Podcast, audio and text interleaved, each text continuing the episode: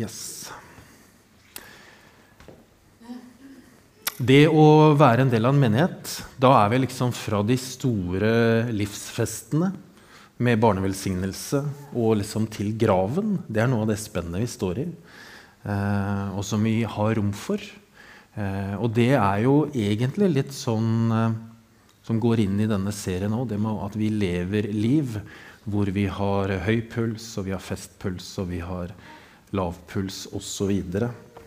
Um, jeg må si det at det å ha barnevelsignelse, da, det er fint, altså. Det er det. Det er kjempefint. Eh, det er, kanskje, det er noe av liksom, det fineste med å være pastor da, i min jobb. Det er liksom Møte Amandus og Marie hjemme. og Være med på en sånn, og være, få lov til å liksom, være en del av en sånn eh, feststund og en sånn viktig markeringer da, i livet. Det er kjempefint. Så takk skal dere ha for at jeg får lov til det. Noe annet som jeg syns er veldig fint, er noe, er noe, av det jeg skal gjøre nå. Eh, og det er å prøve å formidle noe fornuftig fra Guds ord. Og som vi har sett på før, så er jo Guds ord det er jo både det skrevne ordet i Bibelen, eh, men så er det også tolkningen av det. Eh, og så er det forkynnelsen. Og det vi ofte gjør, er jo at vi forsøker å ta utgangspunkt i én eller flere bibeltekster. Eh, og så løfter vi den opp og så spør vi hva betydde det den gangen, og hva betyr det for oss i dag, og hvor, hvordan er dette relevant for oss i dag. Og det vi skal se på i dag, er eh, en bibeltekst som vi skal hoppe og sprette litt i, som, som er en, en, bok i Bibelen som heter Hebreer, eller Brevet til hebreerne. Og som skal være i et kapittel som heter kapittel 11. Og det kjennetegnes liksom som selve troskapitlet. Eh, i Hebreverbrevet. og Derfor er overskriften da i dag eh, 'Et pulserende liv i tro'. Eh, og så har vi hatt da denne overskriften, som Kjersti sa, i tre uker. Så var det Torbjørn som talte forrige søndag, ikke meg. men, men utgangspunktet vårt har vært at vi har ønska å snakke om lovsang og tilbedelse som et sånn tilbedende liv. da. Og Så sa jeg første søndag at lovsang og tilbedelse handler dypest sett om en pulserende, nær og intim relasjon til Jesus Kristus. Og det går på at vi reelt tror at han er her. Ehm, at han er her akkurat nå. At han faktisk er her ved sin ånd akkurat nå. Og at han er der du er, til enhver tid. At vi tror det. Og som vi sang i den siste sangen, at vi kan liksom øse ut eh, alt vårt innerste, alle våre tanker, følelser, til Han. da. Eh, I en sånn pulserende relasjon.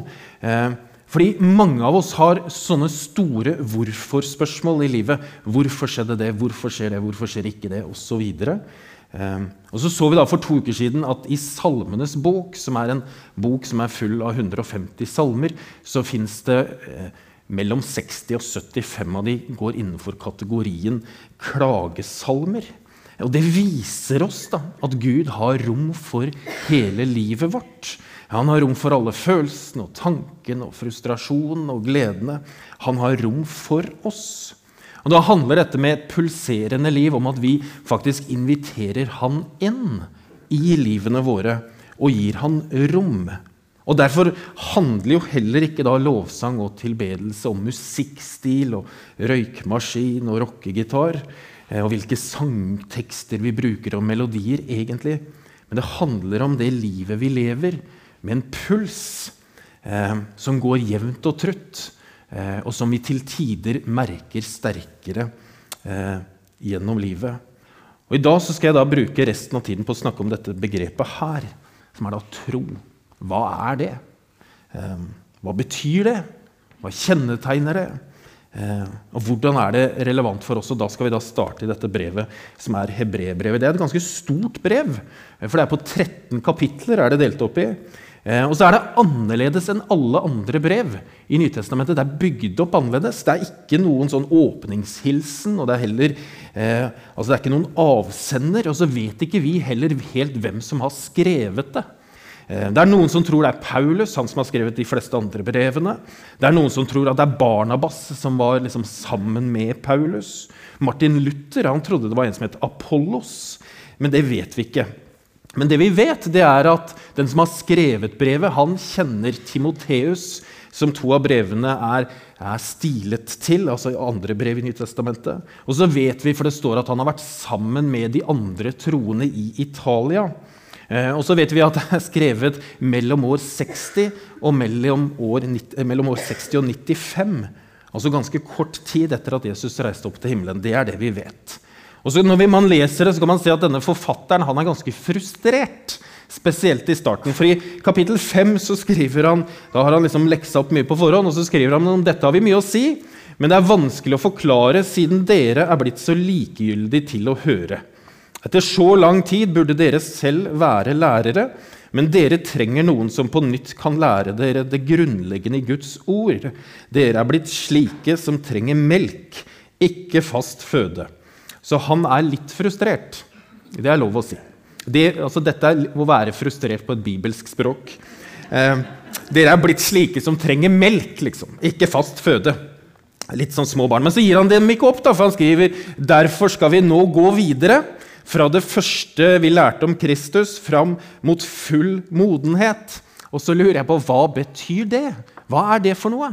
Eh, fram mot full modenhet. Handler det om å bli voksen da, i troen? Handler det om å være nysgjerrig? Handler det om å ville vite mer? Handler det om å ville utforske mer? Teste ut og glede seg over, og strekke seg etter? Hva handler det om? Det handler i hvert fall ikke om noe som er statisk. Eh, for vi skal fram mot full modenhet. Det er noe som vokser. Og så lurer jeg på om det går an å bli noen gang full moden i troen. Og Går det an å leve med en sånn eh, livstanke om at vi ønsker å kjenne Jesus bedre hele tiden?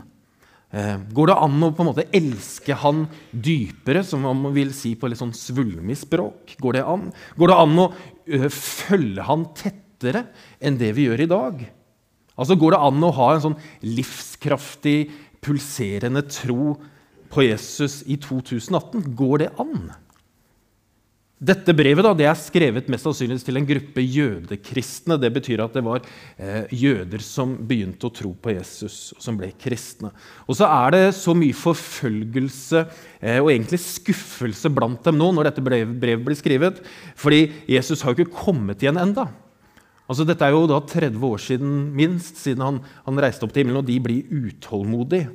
Eh, og så er de forfulgt, og så de, eh, eh, har de et behov for å gå tilbake igjen til jødedommen. Og Derfor skriver han eller han eller henne, han skriver siden vi har en stor øverste prest som har gått inn gjennom himlene, Jesus, Guds sønn, la oss holde fast ved bekjennelsen. For vi har ikke en øverste prest som ikke kan lide med oss i vår svakhet, men en som er prøvet i alt på samme måte som vi, men uten synd. La oss derfor frimodig tre fram for nådens trone, så vi kan finne barmhjertighet og finne nåde som gir hjelp i rette tid. Så kan vi frimodig tre frem. Og så tenker jeg Uansett hvor du er da, i din eh, vandring i tro, om du er liksom fersk, eller om du har satt på pause, eller om du er retur, eh, ikke returnerbar, men om du er rutinert. Det kan jo hende at du er returnerbart òg, for øvrig. Eller om du er faren, uansett hvor du er hen da, i forhold til dette vandringsspekteret, så sier denne forfatteren at du skal være frimodig. Eh. Og hva handler da tro om når man skal være frimodig? Og Det er dette vi nå skal snakke om. dere. Er dere klare? Kan jeg få sånn nikk? Yes. Det er bra. Det er bare å skrive notater. Nei, no. eh, I Hebrevbrevet 10.36 så står det noe om tro. For der står det dere trenger utholdenhet, så dere kan gjøre Guds vilje og vinne det som er lovet. Altså Troen har et utholdenhetsperspektiv i seg. Men det handler også om noe mer. Fordi at når Paulus, som har skrevet mange brev i Nytestamentet, når han skriver til romerne, så skriver han ikke bare om utholdenhet, men han skriver om håp. Han skriver i håpet er vi frelst. Et håp vi alt ser oppfylt, det er jo ikke noe håp. Hvordan kan noen håpe på det de ser? Men hvis vi håper på noe vi ikke ser, da venter vi med tålmodighet. Så da har du utholdenhet i tro, du har tålmodighet i tro, og så har du håp. Og Kapittel 11, da, som er dette troskapittelet i Hebrevbrevet, starter med at troen er et pant på det vi håper, et bevis på det vi ikke ser. Troen er et bevis på det vi ikke ser. Hvordan går det an? Man kan si Det er noe som sier at troen gir vår forventning begrunnelse. Altså Vi får begrunnelse for forventningen vår gjennom troen. Eh, den er sikker på det den håper på. Det går an. Og så er den utholdende, den er tålmodig og håpefull. Og Derfor er det jo en sammenheng mellom det å håpe noe og det å tro noe. Og I kristen tro så knytter vi håp og troen til Jesus. For det er jo litt sånn at Vi kan jo håpe at verden blir et bedre sted. Det gjør jo mange av oss. Vi kan jo håpe at det finnes et liv etter døden.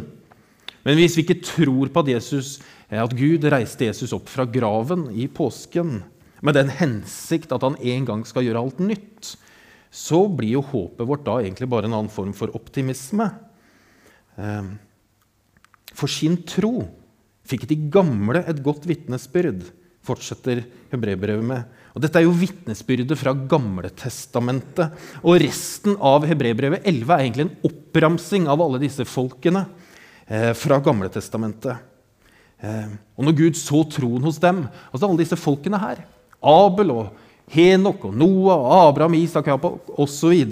De eh, nevnes da videre som mennesker som levde i en gammeltestamentlig tid, men som hadde en pulserende tro. Og Hva handler de, den troen om? Jo, da skriver forfatteren uten tro er det umulig å være til glede for Gud. For den som trer fram for Gud, må tro at han er til, og at han lønner dem som søker ham. Troen på Gud er, handler også altså om at vi tror at han faktisk eksisterer. At han er reell. At han er her. Det er det, er det grunnleggende. Og så står det at det er umulig å være til glede for han uten å tro på han. Det er jo litt spesielt, er det ikke det? Men egentlig så er det jo litt selvsagt også. For det er klart at Du må tro på Gud for å være til glede for ham. Så betyr jo ikke det at han ikke elsker de som ikke tror på han.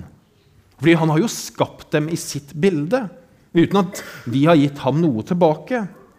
Men det handler om at vi har en mulighet til å være til glede for ham. Det er noen bibeloversettere som bruker eh, ordene 'å tekkes ham' eller 'å være etter Guds sinn. Og så er det en britisk teolog som heter N.T. Wright. Han skriver dersom, om akkurat dette at dersom du, men dersom du tror at Gud eksisterer, og at han virkelig ønsker at mennesker skal søke ham, og at han da vil velsigne dem som gjør det, da vil du lovprise ham for, den, for det han er. At vi kan lovprise ham for det han er. Ofte så lovpriser vi jo Gud, eller vi ønsker å lovprise ham for det han gjør. Ikke sant?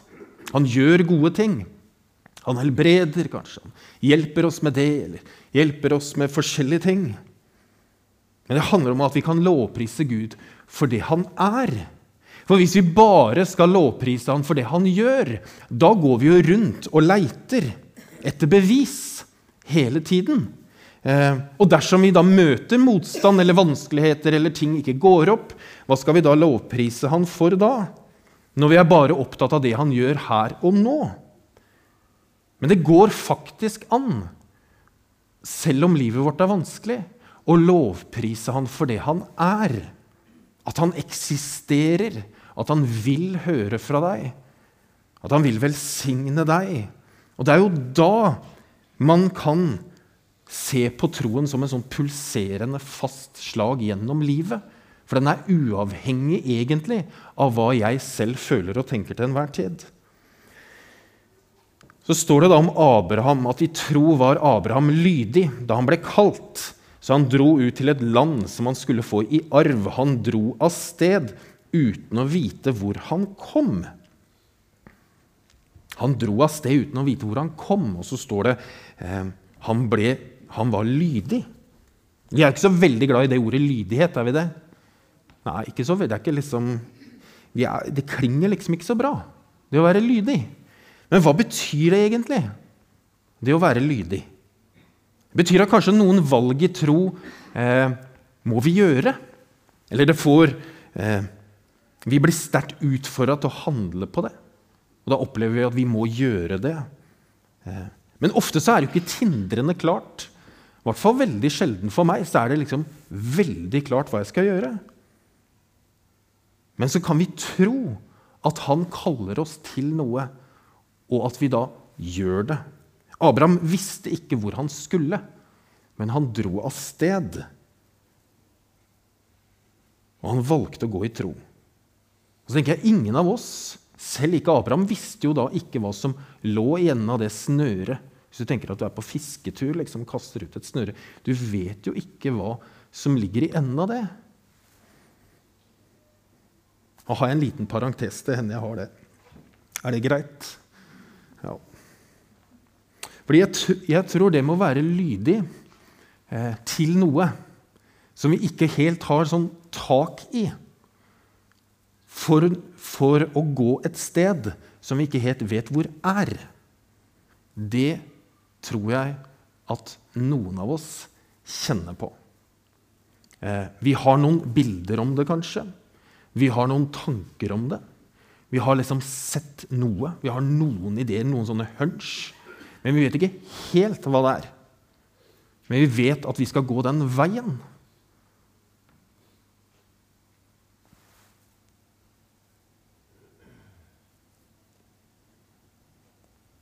Kanskje det er jobb, eller kanskje det er noen familiegreier. Eller jeg vet ikke hva det er. Men jeg tror noen lever litt i dette.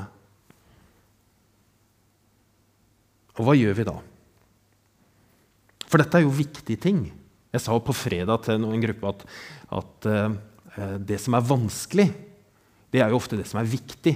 At hvis ting ikke er vanskelig, så er det ofte ikke viktig. Det er jo de viktige tingene i livet som er ofte vanskelig, for det er så mye dilemmaer og sånne ting. Og så tenker jeg at Noen av disse tingene som vi får sånne hunch på, og som vi vurderer, men vi tør ikke helt fordi vi vet ikke hva som ligger foran, kanskje det er noen av de viktigste tingene som vi kan være lydige på og ta steg i tro på. Og Derfor har jeg tenkt i denne lille parentesen at hvis det er deg, så jeg bare utfordrer deg til å være lydig. da, Og våge å ta disse stegene i tro, eller sammen med dem du står sammen med. Det er jo da det blir spennende å leve med Jesus. Det er jo da denne relasjonen blir spennende, fordi vi som er så vant til å planlegge alt vi skal gjøre, og ha full kontroll Når vi da tar sånne steg i tro, som ikke helt vet hva som ligger foran, det er jo da det er spennende. Det er jo da ånden leder. Så står det videre at i tro fikk også Sara kraft til å grunnlegge en ett, enda hun var ufruktbar og for gammel til å få barn, fordi hun stolte på at han som hadde gitt løftet, var trofast. Fra en mann som var uten livskraft, kom det derfor en ett, så tallrik som stjernene på himmelen og så talløs som sand på havets strand. I denne troen døde alle disse uten å ha fått det som var lovet. De bare så det langt borte og hilste det, og de bekjente at de var fremmede og hjemløse på jorden. Troen på Jesus den bærer lengre enn vårt jordiske liv. Og det du gjør i dag, har større betydning enn ditt jordiske liv. Det betyr at det du gjør på Beam, eller det du er med og gjør i Connect og med ungdommen, det har mye større betydning enn deg. Det går utover oss selv. Det at vi gir troen videre til våre barn, går jo utover vårt liv på jorden. Og Derfor vil vi jo ikke se alle ting. Og Derfor kan vi jo leve i disse frustrasjonene, nærmest, fordi vi ser ikke resultatene her og nå. Men det er jo noe av dette som er troens mysterium og Guds mysterium. At han virker gjennom oss mye lenger enn det vi ser. Og så kan vi håpe på det, og så kan vi investere i det, og så kan vi lengte etter det, og så kan vi be om at det skal skje så står det på slutten i Hebrevbrevet at alle disse fikk et godt vitnesbyrd for sin tro, men de oppnådde ikke å få det som var lovet. Gud så for seg noe som er bedre for oss, at de ikke skulle nå fram til fullendelsen uten oss. Alle fikk et godt vitnesbyrd, men de oppnådde ikke det som var lovet. For disse da, i Gamle Testamentet så handla det om Messias som skulle komme. For han kom jo ikke mens de levde. Det var jo han de lengta etter at skulle komme. Nå har jo Messias kommet gjennom Jesus. Han er jo her. Søndag for to uker siden så avslutta jeg talen med å snakke om en historie om Jesus som møter en kvinne ved en brønn som heter Jakobskilden, og hvor, hun spør når kommer denne Messias. Og Jesus sier, 'Han er her. Det er jeg. Det er nå. Jeg er her.' Og Derfor tror jo vi at Jesus er her. At det er ikke bare en tro som sitter sånn i fornuften. Eller at det sitter i liksom erfaringene våre eller rutiner for at vi går på gudstjeneste eller vi har barna våre til kirken. At det er liksom en sånn type tro. Men det er en reell tro på at Jesus er her. En sånn pulserende tro på det. Og Neste uke så begynner jo påskeuka. For dere som ikke har fått det med dere. Det er påske. I går var det to, to måneder til 17. mai. Det bringer også perspektiver. Um, men Påsken er jo den store høytiden i kristen tro som handler om at Gud fullfører sitt verk ved at Jesus dør på et kors og står opp igjen på den tredje dagen for at vi skulle være sammen med han for alltid. Og så sendte han sin ånd. Og som Hebrebrevet skriver om denne øverste presten, at Jesus er denne øverste presten som baner vei for oss inn til himmelen. Ehm, og det er jo denne troen vi er tatt, invitert til å ta imot her og nå. En sånn åpen invitasjon fordi vi tror at Jesus er her. Og det er en sånn intim relasjon som ikke er klam, men som bare er varm og nær. Så min utfordring til deg er å ta det imot. I tro på at han er her, og at du er lydig etter det som han hvisker til deg, som du skal gjøre. Som har et mye større perspektiv enn det livet vi lever i dag. Men som kan gå hundrevis av år foran oss. Da handler det om at vi er lydige til det vi tror Gud kaller oss til. Og det er min utfordring til deg. Skal vi be? Far i himmelen, takk for at du er her. Takk for at du er her med din ånd. Takk for at du er nær. Takk for at du ønsker å ha en relasjon til oss som er full av liv, og som er pulserende. Og så ser du, Herre, at vi møter mange ting gjennom livet som er vanskelig og utfordrende, og som utfordrer vår tro på deg. Nå ber jeg, Herre, om at du skal hjelpe oss, sånn at vi kan se deg for den du er, og at du er med oss gjennom alt det vi møter. Og så ser du de av oss som har opplevd å få sånne innskytelser med jevne og ujevne mellomrom og som vi kanskje hadde glemt at vi en gang hadde fått. Nå ber jeg, Herre, om at du skal eh, hviske til oss igjen, og at du skal gi oss mot til å vite hva vi skal gjøre, eh, sånn at vi kan handle på det i lydighet til deg som er Herre og Frelser og Mester og Konge. Vi ber om det i Jesu navn. Amen. Nå skal vi synge et